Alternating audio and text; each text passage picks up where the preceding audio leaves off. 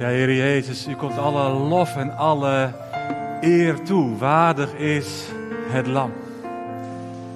O Jezus, als we ook het woord openen, dan, dan verlang ik ook, Heer Jezus, dat u daardoorheen tot onze harten spreekt, door uw woord, door uw geest.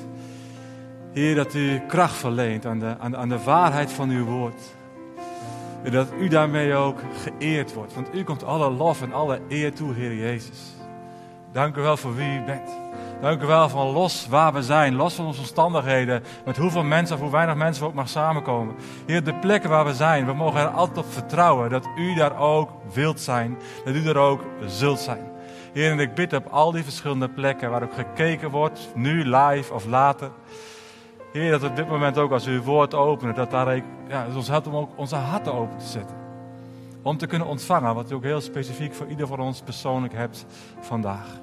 Heer, zo willen we daar uw zegen, uw leiding over in uw machtige naam Jezus. Amen. Zo, goedemorgen. Ja, zijn je een beetje blij om hier te zijn? Nou, goedemorgen. Ah, heerlijk. En dit, dit wordt een beetje vervelend, denk ik, de komende keren. Gewoon, ik denk dat elke spreker gewoon even wil beginnen met... Goedemorgen, goedemorgen, even interactie, want uh, ik vind het zo heerlijk gewoon om jullie echt weer een deel in ieder geval van de gemeente te zien en in de ogen te kijken. we hebben ook meer dan een jaar overal in zo'n lens zitten turen, dus ook hallo thuis aan de andere kant van het scherm of onderweg. Uh, en het is goed en het was de manier. Uh, maar ook als spreker, het is zo fijn om gewoon te zien, elkaar in de ogen te kijken uh, en ook af en toe iets terug te horen. Gewoon, dat jullie ook daadwerkelijk kijken en ik, ik kan nu weer beginnen misschien met grapjes maken. Want voor zo'n camera, ja, niemand lacht. Dus ik denk, nou, het zal wel niet grappig zijn, terwijl het soms best wel grappig was. Um, dus nu hoop ik dat als er een spontaan grapje komt, dat jullie wel ook even gewoon dan weer doen zoals we dat gewend waren. Ja? Wendt het al een beetje om hier weer te zijn? Is het nog onwennig? Is het fijn? Ha, heerlijk hè? Ja. En het mooie is, vanaf nu geloven en hopen we dat het ook steeds ja, meer ruimte zal komen. Hè? Ik bedoel, letterlijk, vanaf de volgende keer, hè, we zijn nu met max 150. Nou, de volgende samenkomst kunnen we alweer naar 250. Hè? Dus dat biedt alweer meer perspectief. Maar natuurlijk verlangen we vooral naar die tijd waarin we weer onbelemmerd kunnen samenkomen. En tegelijkertijd dacht ik ook gewoon, toen Els ook begon met ja, de leidende kerk, de zondag van de leidende kerk. Denk, ja, eigenlijk, hè, we hebben nu even een jaar beperking gehad. En eh, aan de ene kant denk ik van, eh, ja, waar hebben we het over als ik dat vergelijk met de leidende kerk die jaar in, jaar uit gewoon niet kunnen samenkomen. Ja, wel kunnen samenkomen, maar dan wel meteen met gevaar voor eigen leven. En denk, oh, hebben we eigenlijk wel iets geproefd en geleerd dit jaar? Ik, ik, ik, hoor veel geluiden van mensen die niet kunnen wachten om weer samen te komen. Maar ik hoor ook genoeg geluiden van mensen die zeggen van, ah, ach, ik vind het ook wel prima zo. Weet je, en het is bijna vloek in de kerk, maar ik zou ons soms een klein beetje vervolging gunnen in dat opzicht, begrijp me goed. Ik, ik schrik soms als ik ook tegelijkertijd de lauwheid proef van het ook eigenlijk allemaal wel prima vinden. Het is ook eigenlijk wel gemakkelijk. Ja, maar geloven gaat niet om prima. Geloven gaat niet om gemakkelijk. Geloven gaat om het eren van Jezus met alles wat we in ons hebben. En uh, fijn dat we weer samen kunnen komen. Maar ook als het niet kan en ook als er misschien wel weer belemmeringen komen in de toekomst. Dan hoop ik toch dat ook de tijd die we hebben in vrijheid, dat we die gebruiken om sterker te worden, om onszelf te trainen, dat als het er wel op aankomt, ook in je leven, ook in omstandigheden, in vrijheid die heel ingewikkeld zijn, dat we sterk zijn, dat we standvastig zijn, dat we vanuit ons hart vol overgave het leven leven voor Jezus. Met beperkingen, zonder beperkingen. Eh, dit had ik niet voorbereid, maar dit komt nu op in mijn hart. Fijn, gewoon, dat we weer kunnen samenkomen. En uh, zoals we Alice al zei in het begin, in het filmpje, ja, nu we weer samenkomen en nu we weer dingen gaan opstarten. En ik hoop van harte natuurlijk dat we na de zomer weer heel veel kunnen opstarten. En dat we eigenlijk onbelemmerd kunnen samenkomen. Is het goed om eigenlijk ook daar naartoe even weer stil te staan. Even weer eigenlijk ook ons hart en onze motivatie te onderzoeken. Eh, en dus deze prekenserie tot aan de zomer. Hart voor het huis. Hart voor het huis van God. We weten dat God hart heeft voor zijn huis. En als we denken aan zijn huis, ja, dan denken we in de Bijbel als eerste aan de tabernakel. Daar denken we aan de tempel in Jeruzalem. Eh, maar ook de gemeente kun je zien als Gods huis. En uiteindelijk, ons eigen hart is ook de plek waar God zo graag woning wil maken. En waar Hij wil wonen in volheid. Dus dat zijn allemaal aspecten van hart voor het huis, hart voor Gods huis. Eh, die ook allemaal in deze serie aan de orde zullen komen. Ehm, maar voordat we dus weer ja, eigenlijk verder gaan en voordat we ook denken van we gaan, ja, we gaan deze week ook wel, wel oproepen. We gaan ook wel vragen van hey, hoe ga jij de komende tijd meebouwen? Want we kunnen wel denken, na de zomer kan alles weer. Ja, ja maar, maar, maar, maar kan het wel?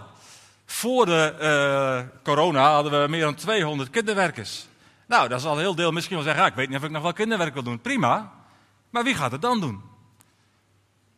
Er zullen heel veel uiteindelijk wel plekken gevuld moeten worden. We zullen met z'n allen de schouders eronder moeten zetten. Om uiteindelijk ook weer wel mogelijk te kunnen maken dat we met grote groepen samen zullen komen. Het is heel makkelijk om te denken, nou, het zal allemaal wel geregeld worden. Nee, er wordt helemaal niks geregeld als we het niet samen aanpakken en samen vastpakken. Maar dat, dat, dat werkt niet als dat opgelegd wordt. Als ik zeg, joh, je moet gaan dienen in de gemeente, uh, want dat is goed voor je. Uh, nou, dat is, op zich is dat geen onwaarheid, want het is goed voor je, dat geloof ik oprecht. Maar uiteindelijk, het, het is het verlangen van binnenuit. Dus, dus willen we ook beginnen met onze motivatie. Dus we willen beginnen, wat zit er eigenlijk in ons hart? Als we denken aan, ja, bouwen aan Gods huis. En misschien is jouw motivatie wel ongekend groot. Sta je eigenlijk letterlijk en figuurlijk te trappelen dat je je plek weer kunt innemen of dat je eindelijk gewoon een nieuwe plek kunt innemen. Uh, je gaven en talenten kunt in, inzetten voor de bouw van Gods gemeente hier. En misschien moet je eerlijk zijn en zeggen, joh, voor corona was ik gewoon uh, echt die levende bouwsteen. Maar het is allemaal een beetje eigenlijk weggekabbeld. En mijn motivatie is op dat moment niet zo groot. Dat kan zijn. En het is goed om daar eerlijk over te zijn. Om dat zelf ook recht in de ogen te kijken als dat bij jou het geval is. Of is er überhaupt wel een stuk teleurstelling in je hart gekomen. Vanwege de gemeente. misschien ben jij in het verleden wel gewond geraakt. Door de gemeente, door deze gemeente of in een andere gemeente. Misschien juist wel door andere levende bouwstenen met hun eigen scherpe randjes. Dan is het belangrijk dat we daarin ons hart onderzoeken. Dan is het belangrijk dat we dat, we dat ook in de ogen kijken. Uh, dat we daar eerlijk over zijn. Dat we wel gaan kijken, oké, dit is hoe de staat van mijn hart is. Misschien vol ijver, misschien vol enthousiasme. Misschien terughoudend, misschien lauw. Misschien pijn, misschien teleurstelling. Wat is er in je hart? En hoe kun je daar uiteindelijk weer stappen in gaan zetten? Hoe kun je, als het nodig is, tot een stuk herstel, vergeving, uh, een nieuw begin komen? Hoe kun je ontdekken wat de plek is in de gemeente die bij je past? Allemaal dingen die we dolgraag gewoon op de komende weken gewoon bij langs willen gaan samen. En allemaal zaken die allereerst te maken hebben met je hart. En we beginnen vandaag bij de tempelbouw. De tempelbouw, de eerste tempel die gebouwd werd onder leiding van Salomo. En in 1 Kronieken 17 lezen we dat het niet Salomo is, maar dat het zijn vader David is. David die het plan heeft opgevat om een huis voor God te bouwen. En om daar ook de ark van het verbond in onder te brengen. En eigenlijk is dat ook wel een beetje begrijpelijk als je kijkt naar het hart van David, want het was eigenlijk een hele rare situatie ontstaan. David had al de ark van het verbond, had hij over laten brengen naar Jeruzalem. Maar de tabernakel, waar de ark altijd in had gestaan, die stond nog in Gibeon. En David zelf, die woonde inmiddels in een mooi paleis. En de ark die stond in een tent. En dat ging wringen in het hart van David. David zoiets van, het kan toch niet zo zijn dat ik in een paleis woon en dat de ark van het verbond het met een tent moet doen.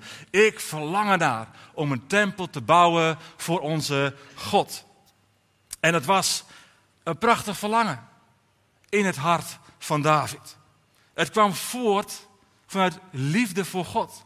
En hoe kun je daar nou op tegen zijn, zou je kunnen zeggen? Een betere motivatie is er niet dan dat de dingen die je doet, dat je die doet vanuit liefde voor God. En van daaruit liefde voor de ander, van daaruit liefde voor de gemeente. Maar het begint met liefde voor God. En David had zoveel liefde voor God. Hij had zoveel van Gods hart gezien. Natuurlijk, hij had ook heel veel van Gods genade ervaren. Van alle eh, dingen die hij echt heel erg fout had gedaan in zijn leven.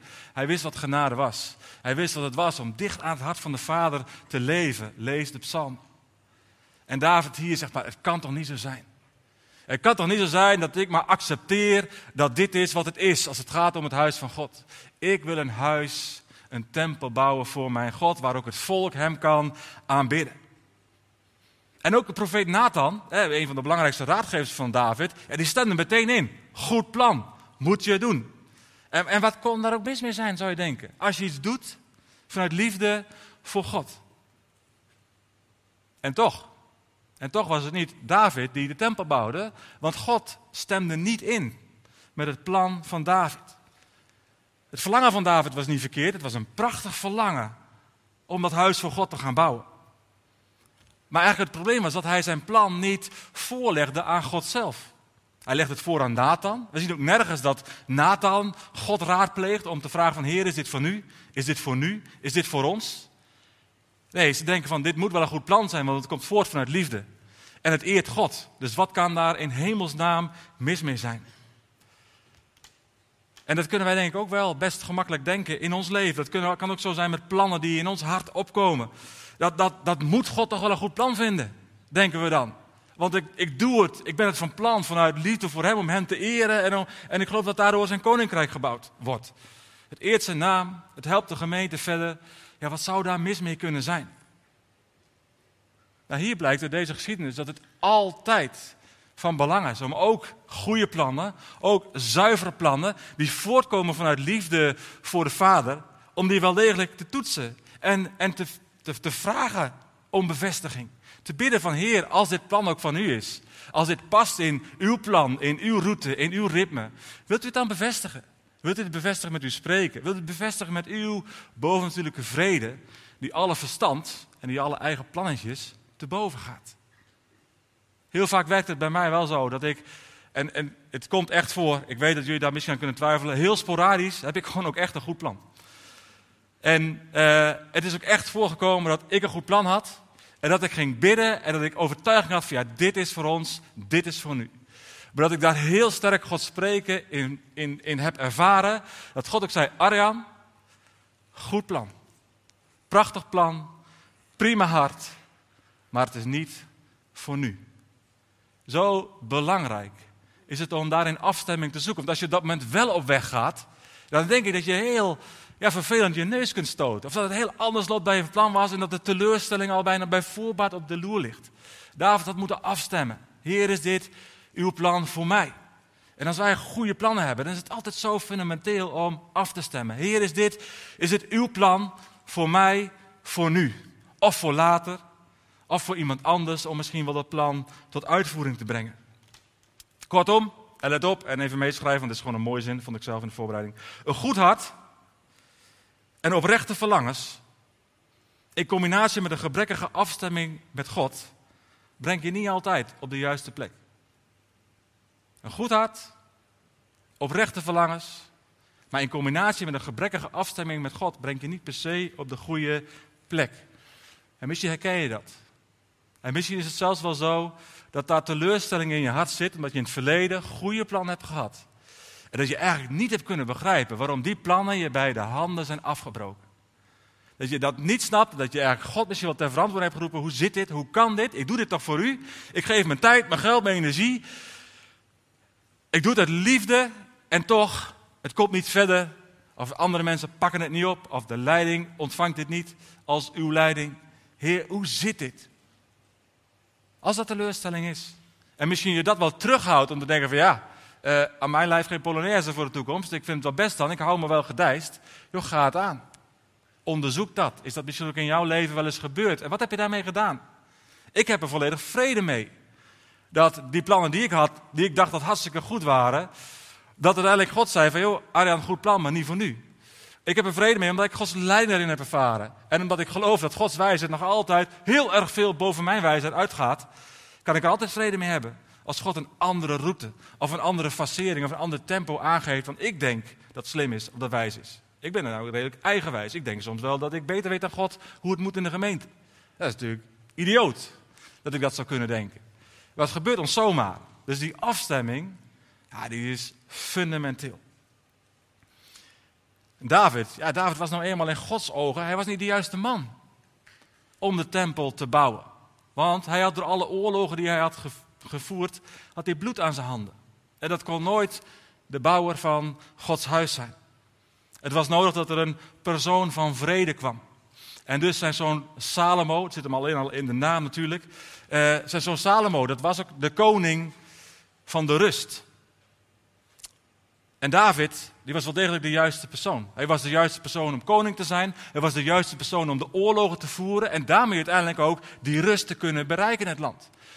dankzij David brak er een periode aan van vrede en van rust. En van daaruit kon Salomo als ja, persoon van rust, op uitzondering van het eind van zijn leven na. En waarom was dat? Omdat Salomo afdwaalde van God. Maar heel lang in het koningschap van David was er vrede, was er rust. En was hij dus de persoon. Ja, die daarmee ook de ruimte kreeg om die tempel van God te bouwen. Maar David had degelijk zijn aandeel door die rust te creëren. En tegelijkertijd ook door al dingen voor te bereiden. Dat zien we ook. Want dan komen we in 1 Kronieken 28 en 29. En waar David ook heel expliciet de opdracht voor de bouw van zijn tempel ja, doorgeeft aan Salomo. Hij vertelt daar aan het volk dat Salomo zijn opvolger als koning zal zijn. En dan in vers 9 zegt David het volgende. En jij, Salomo, mijn zoon, wees ontvankelijk voor de God van je vader en dien hem met volle overgave. Met alles wat in je is. Want de Heer onderzoekt alle harten. En hij kent alle verlangens en gedachten. Als je hem zoekt, zul je hem vinden. Als je hem verlaat, zal hij je voor eeuwig verstoten. Zie, Salomo, de Heer heeft jou uitgekozen om een tempel te bouwen die hem als heiligdom zal dienen. En ga dus vastberaden aan het werk. Hier zien we een aantal dingen ja, heel expliciet worden. God staat hier, onderzoekt alle harten. God doorziet elk hart. God doorziet jouw hart. God doorziet mijn hart. Helemaal niets. Als we soms stiekem nog denken dat we iets bij God vandaan kunnen houden, dat is een illusie. We kunnen helemaal niets voor God verborgen houden. Hij ziet alles. Hij begrijpt alles wat er in ons hart omgaat. Alle mooie verlangens die we hebben. Alle zuivere intenties die er zijn in ons hart. Maar tegelijkertijd ook alle lelijkheid die zich soms zomaar kan ophopen in ons hart. Lelijkheid die soms zomaar wortel kan schieten en die we de ruimte geven in ons hart. Waardoor ons hele zicht vertroebeld wordt in hoe we kijken naar de ander, hoe we kijken naar onszelf, hoe we kijken naar God. God ziet alles, alle mooie dingen in ons hart, maar ook alle onzuivere dingen in ons hart. En weet je, ik weet dat het heel veel mensen heel snel, ook zeker die God niet goed kennen, onzeker kan maken. Hoe? Want is God dan ook niet die rechter die dat veroordeelt? Ik ken God als een liefdevolle vader. Ik ken God als degene die alles van mij weet. Die alles van mijn hart doorziet. Alle zuivere intenties, alle onzuiverheid die soms zomaar zijn weg te vinden, ook in mijn hart. En wat is het dan een onvoorstelbaar grote troost voor mij, maar daarmee ook voor jou, voor ons allemaal. Dat God ons ziet. Dat God ons kent. Dat God alles weet wat er maar omgaat in ons hart. En dat hij tegelijkertijd in Christus onvoorstelbaar en onvoorwaardelijk veel van jou en van mij houdt. Het is liefde dat hem drijft. En ik wil dat liefde mij drijft. Er geen enkel andere motivatie in mijn hart dan liefde. Liefde voor God, liefde voor zijn gemeente, liefde voor zijn huis. En David weet het. David weet dat God alles weet wat er in zijn hart omgaat. En hij bidt er ook op. Oh Heer, Psalm 51. Zie dan, of 139. Zie dan of er mij geen heilloze weg is. Heer, u kent mijn hart. Maar, maar, maar, raak het ook maar aan. Raak het maar aan als er dingen in mijn hart ontstaan die niet oké zijn. Die niet helpend zijn. Die uiteindelijk mezelf gaan beschadigen. Die de mensen om me heen gaan beschadigen. Heer, openbaar het maar. Zitten er dingen in mijn hart die niet oké zijn? Heer, wilt u spreken door uw geest, door uw woord? Wilt u het aanraken? Heer, dat ik daar ook uiteindelijk mee aan de slag kan. Dat ik het uit de weg kan werken. Wat ik wil. Een zuiver hart. En ik hou niet, ik weet niet hoe het bij jou gaat, ik hou niet vanuit mezelf zomaar heel makkelijk mijn hart volledig zuiver. Dat kost inspanning. Dat kost keer op keer ook zelfonderzoek. Dat kost keer op keer ook openstaan voor God spreken erin. Heer, onderzoek mijn hart maar. En laat me zien of er dingen in zitten die scheef zijn gegroeid. En dat gebeurt bij mij af en toe wel. Ik heb het nodig om mezelf te laten onderzoeken. En ik denk dat we het allemaal nodig hebben. Doe je het ook? Neem je daar de tijd voor om jezelf te laten onderzoeken. Ook door het woord, door de geest, in de stilte voor de Vader. David doet het. En David roept ook zijn zoon Salomo op. Oh Salomo jongen, alsjeblieft, wees volledig open naar God toe. Hij weet alles, maar kom dan ook met alles voor zijn troon. En hij roept hem op om zich volledig, ja, eigenlijk over te geven aan God. In volledige toewijding aan God te leven. Hij zegt, dien God met, met volle overgave, zegt David. Dat is voor mij altijd weer een, zijn van die teksten. Denk, oh ja, het is ook geen, het is ook geen optie om, om het dienen van God gewoon er maar bij te doen. Het is geen optie dat, ik, dat, dat, dat godsdienst, hè, zou je kunnen zeggen, uh, dat het ergens een vakje in mijn leven is, wat ik af en toe open doe en thuis doe. En dit is even mijn vakje godsdienst. En nu ga ik weer naar een ander levensterrein. Dat is een heel ander levensterrein en doe heel andere dingen. Nee, dien God met volle overgave. Dat betekent dat al mijn levensterreinen terreinen zijn waar God wil wonen. Of het nou gaat om mijn huwelijk, mijn seksualiteit, mijn omgang met geld, mijn omgang met mensen, uh, mijn kijk op uh, theologie, whatever. Al mijn levensterreinen, hoe ik buurman ben, God ziet het en God verlangt dat ik op al die gebieden leef in overgave aan Hem. Dat ik Hem op al die gebieden ja, dien. Met volle overgave. En volle overgave, dat is dus alles. En ik denk dat we dat weer even moeten leren. Ik denk dat het goed is dat we dat gewoon weer bij elkaar in alle eerlijkheid aanraken. Ik denk dat ook zo'n periode waarin we heel veel, toch ook wel op de bank, denk ik, of misschien zelfs wel in bed of in de auto, uh, gewoon achterover hebben gezeten en hebben gekeken naar diensten. Goed dat je bent aangehouden, goed dat je jezelf hebt geprobeerd te blijven voeden. Maar ik denk dat het nodig is dat als we weer samenkomen, dat we ook weer even opfrissen. Omdat ik wel degelijk het risico zie dat we heel een beetje in een toeschouwersmodus zijn gekomen. Dat we een beetje zijn gaan beschouwen. En zeker in de review-maatschappij waarin wij leven, kunnen we heel makkelijk kijken naar diensten, zeker letterlijk via een scherm, en kunnen we daar iets van vinden. Ik heb lekker gezongen, of ik heb niet lekker gezongen. Vind ik een totaal irrelevante opmerking. Oh. De vraag is: heb je God aanbeden? In de liederen die we hebben gezongen. En helemaal niet relevant of dat liederen zijn die jou kent, of die je heel erg bij je passen, of die heel erg tot jouw favorieten behoren. De enige vraag is als we samen zingen: heb jij God aanbeden? Boeien of de liederen goed bij je passen of minder goed bij je passen. Ik zeg het misschien niet zo vriendelijk, maar ik bedoel het wel van het iets van mijn hart. We zijn iets kwijtgeraakt, denk ik. En het is weer tijd om een beetje bij de les te komen. En ik denk dat dat beter lukt op het moment dat we elkaar ook weer in de ogen kijken.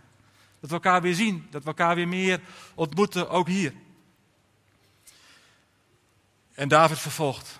Hij zegt niet alleen maar, joh, dien God met overgave, maar hij zegt ook, Salomo, wees vastberaden. Wees vastberaden, hou vol.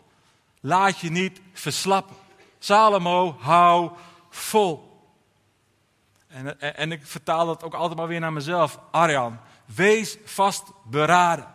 Hou vol. Broer of zus, wees vastberaden en hou vol.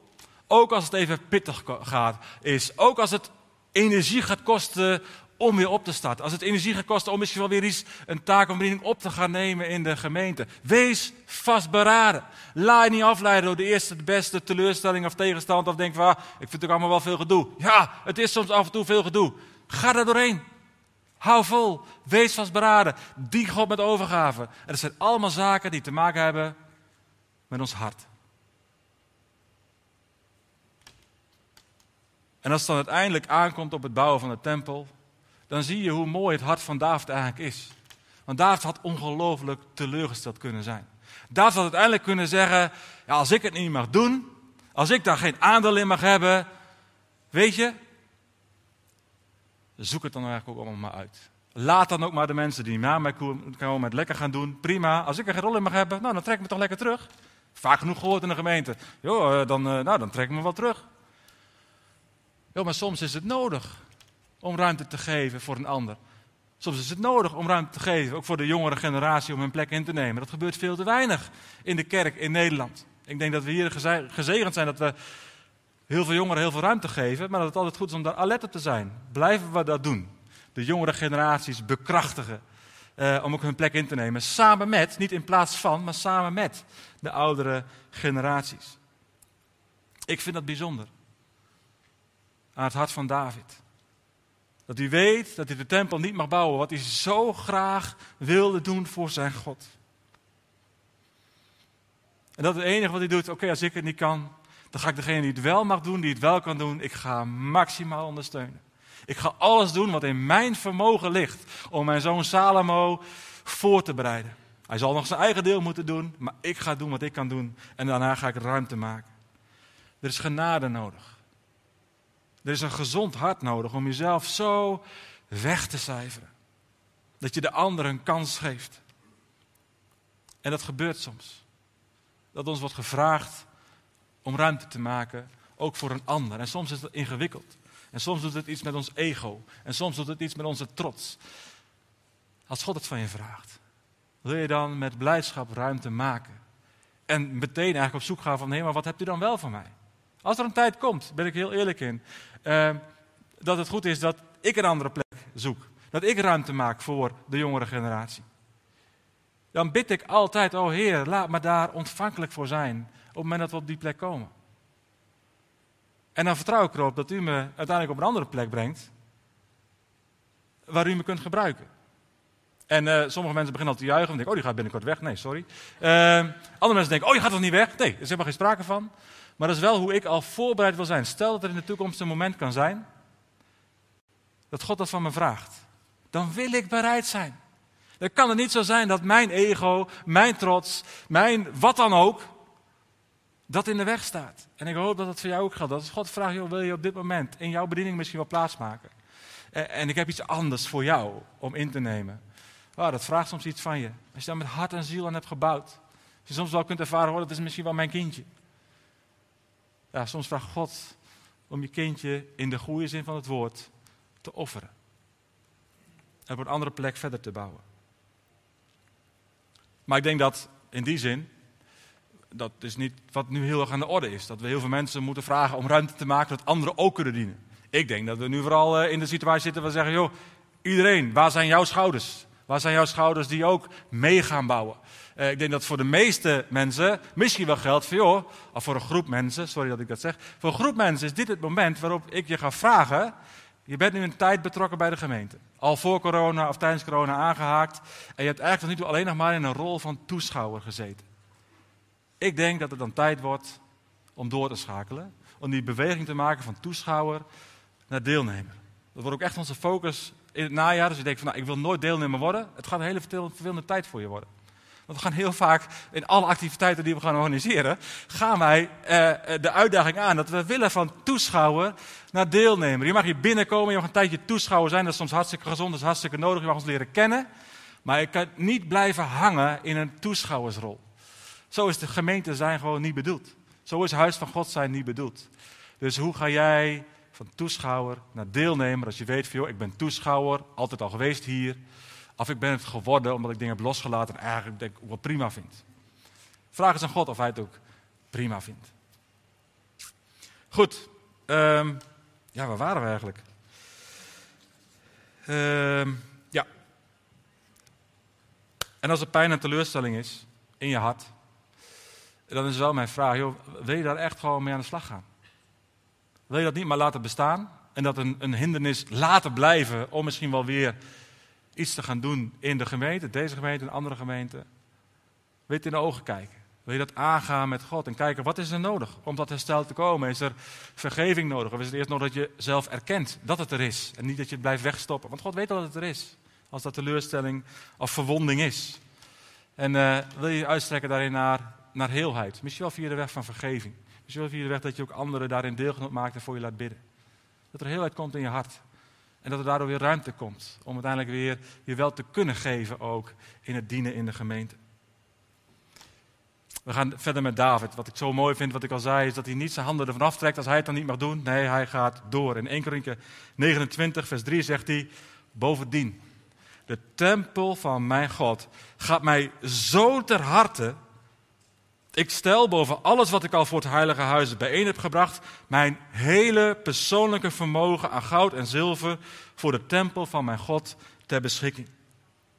Vanuit zijn eigen hart, vanuit zijn eigen gulheid als het gaat om het huis van God, komt hij vervolgens ook met een vraag. Is hij ook vrijmoedig? Joh, ik geef alles wat ik heb aan goud en zilver voor de tempel. En dan komt hij vrijmoedig bij een, met een vraag bij het volk. Van, wie van u stelt zich vandaag in de dienst van de Heer door een vrijwillige gave te schenken? En het woord vrijwillig is natuurlijk altijd heel belangrijk, ook hier. En het volk bracht zijn gave met vreugde, want het was van ganser harte. Met heel een hart bereid om een bijdrage te schenken voor de Heer. En ook koning David was zeer verheugd. Ja, David, hij gaf veel. Hij gaf veel van zijn persoonlijke rijkdom voor de bouw van de tempel. En hij nodigde anderen uit om zijn voorbeeld te volgen. En dat deden ze. Vrijwillig. Van ganser harte. Zowel de tabernakel als de tempel, die waren allemaal gebouwd met vrijwillige giften. En ook de gemeente hier en nu. We hebben een klein beetje verhuur gehad in het verleden, dat is nu weg. Voor de rest is het allemaal op basis van vrijwilligheid. En zo hoort het volgens mij ook. Daar, en ik hoop dat het hier nooit sprake is van dwang of van uh, ongezonde druk of van manipulatie om maar met geld bij te dragen of met tegenzin. Nee, van ganser harte dragen ze bij, omdat ook het volk hart had voor het huis van God. En vanaf vers 15 zegt David dan het volgende. Net als al onze voorouders zijn wij slechts vreemdelingen die als gasten bij u verblijven. Ons bestaan op aarde is als een schaduw, zonder enige zekerheid. Heer, onze God, al deze rijkdom die wij bijeen hebben gebracht om voor u een tempel te bouwen voor uw heilige naam, het komt uit uw hand. En aan u dragen wij die op. Ik weet, mijn God, dat u de harten van de mensen beproeft en oprechtheid verlangt. Wel nu, uit de oprechtheid van mijn hart heb ik u dit alles geschonken. En ook uw volk dat hier bijeen is, heb ik zijn bijdrage met vreugde zien schenken. Heer, God van onze voorouders Abraham, Isaac en Israël, Koester dit blijk van de gezindheid van uw volk voor altijd. En laat hun hart op u gericht zijn. Geef ook, o Heer, dat mijn zoon, dat mijn zoon Salomo, met volle toewijding uw geboden, bepalingen en wetten naleeft. En alles in het werk stelt om de burcht, om de tempel te bouwen, waarvoor ik de voorbereiding heb getroffen. En daarnaast droeg David de gemeenschap van de Heer, hun God, op om te loven en heel de gemeenschap loofde de Heer, de God van hun voorouders, en knielde neer en boog diep voor ogen voor de Heer en voor de koning. Je, net als David kunnen wij erkennen dat, dat alles wat wij hebben, dat komt van God. Alles wat we hebben aan gaven, talenten, aan bezittingen, uiteindelijk komt het van God. En misschien bezitten we niet zoveel als David, dat denk ik niet. Uh, maar kunnen we wel een voorbeeld nemen aan zijn bereidheid tot geven. Want wat voor God niet telt is wat we bezitten. Wat voor God telt is onze bereidwilligheid om gewoon te delen. En te geven van wat wij aan rijkdom van Hem hebben ontvangen. En het is heel gemakkelijk om dan dat te versmallen tot, tot geld. Uh, en dat is zeker een onderdeel, denk ik. Maar waar voor de een het hart open gaat door bij te dragen in geld, is het voor een ander weer veel meer het verhaal als je bijdraagt in tijd en in energie. En waar het op gaat, en wat het allerbelangrijkste is, dat ons hart oprecht is bij dat wat we geven. Dat we verlangen hebben. En als we niet hebben, dat we dat daarmee aan de slag gaan in ons leven. Dat we verlangen hebben om God te dienen. En te bouwen aan zijn huis. En dat we erop vertrouwen dat als God ons een opdracht geeft, ja, dat Hij ons ook wil en dat Hij ons ook zal ondersteunen om die taak ook daadwerkelijk te kunnen volbrengen. Als God iets voor jou heeft, Hij geeft het in je hart, Hij bevestigt het, dan zal Hij jou ook de middelen en de mogelijkheden en misschien wel de mensen geven om ook daadwerkelijk dat plan voor Hem tot uitvoer te brengen. Daar vertrouw ik op. Daar vertrouw ik op voor ons als gemeente. Daar vertrouw ik ook op voor ons ieder persoonlijk. Amen. We gaan bidden. Ja, vader, dank u wel dat we ook uit die geschiedenis van het bouwen van de tempel zoveel kunnen leren. We leren veel uit het hart van David. Heer, waar mooie verlangens waren. Maar, maar waar het toch geen afstemming met u was. En waar u uiteindelijk wel een halt toeriep. Heer, waar we zien in het hart van David dat hij, dat hij zo vol overgave leefde. Zo'n verlangen had om u te eren, om u te dienen. En, dat ook zijn volk. En dat ook weer zijn, zijn zoon Salomo voorhield. Oh, dien de Heer met overgave. Laat God het middelpunt zijn. Hè? God, the center of it all. We hebben het gezongen. Oh Heer, dat u toch het middelpunt mag zijn van ons leven. Dat u het middelpunt bent in al onze levensgebieden. Oh Heer, vergeef ons dat we soms toch zomaar dat ene vakje godsdienst open en dicht doen. Soms op zondag hem open trekken en op maandag hem weer dichtschuiven. Heer, help ons om u in het centrum te zetten op al onze levensgebieden. En ik bid, Heer, ook door deze serie heen, dat u wat gaat aanraken in onze harten. Heer, daar waar mensen verlangen om een plek in te nemen voor het eerst of opnieuw, Heer, dat u de ruimte schept. Heer, daar waar we eerlijk moeten kennen van, nou, we vonden het allemaal wel best, we zijn een beetje lauw geworden, ook al hebben we dat woord zelf niet gebruikt. Oh, dan bid ik, Heer, dat, dat, dat, eh, dat we onszelf daarin ook toespreken. Dat we onszelf ook ja, toewijden aan U. Dat we onszelf ook openstellen voor uw spreken. En dat u daarin komt met uw vuur. En van lange opwekt in ons hart om u te dienen met volle overgave.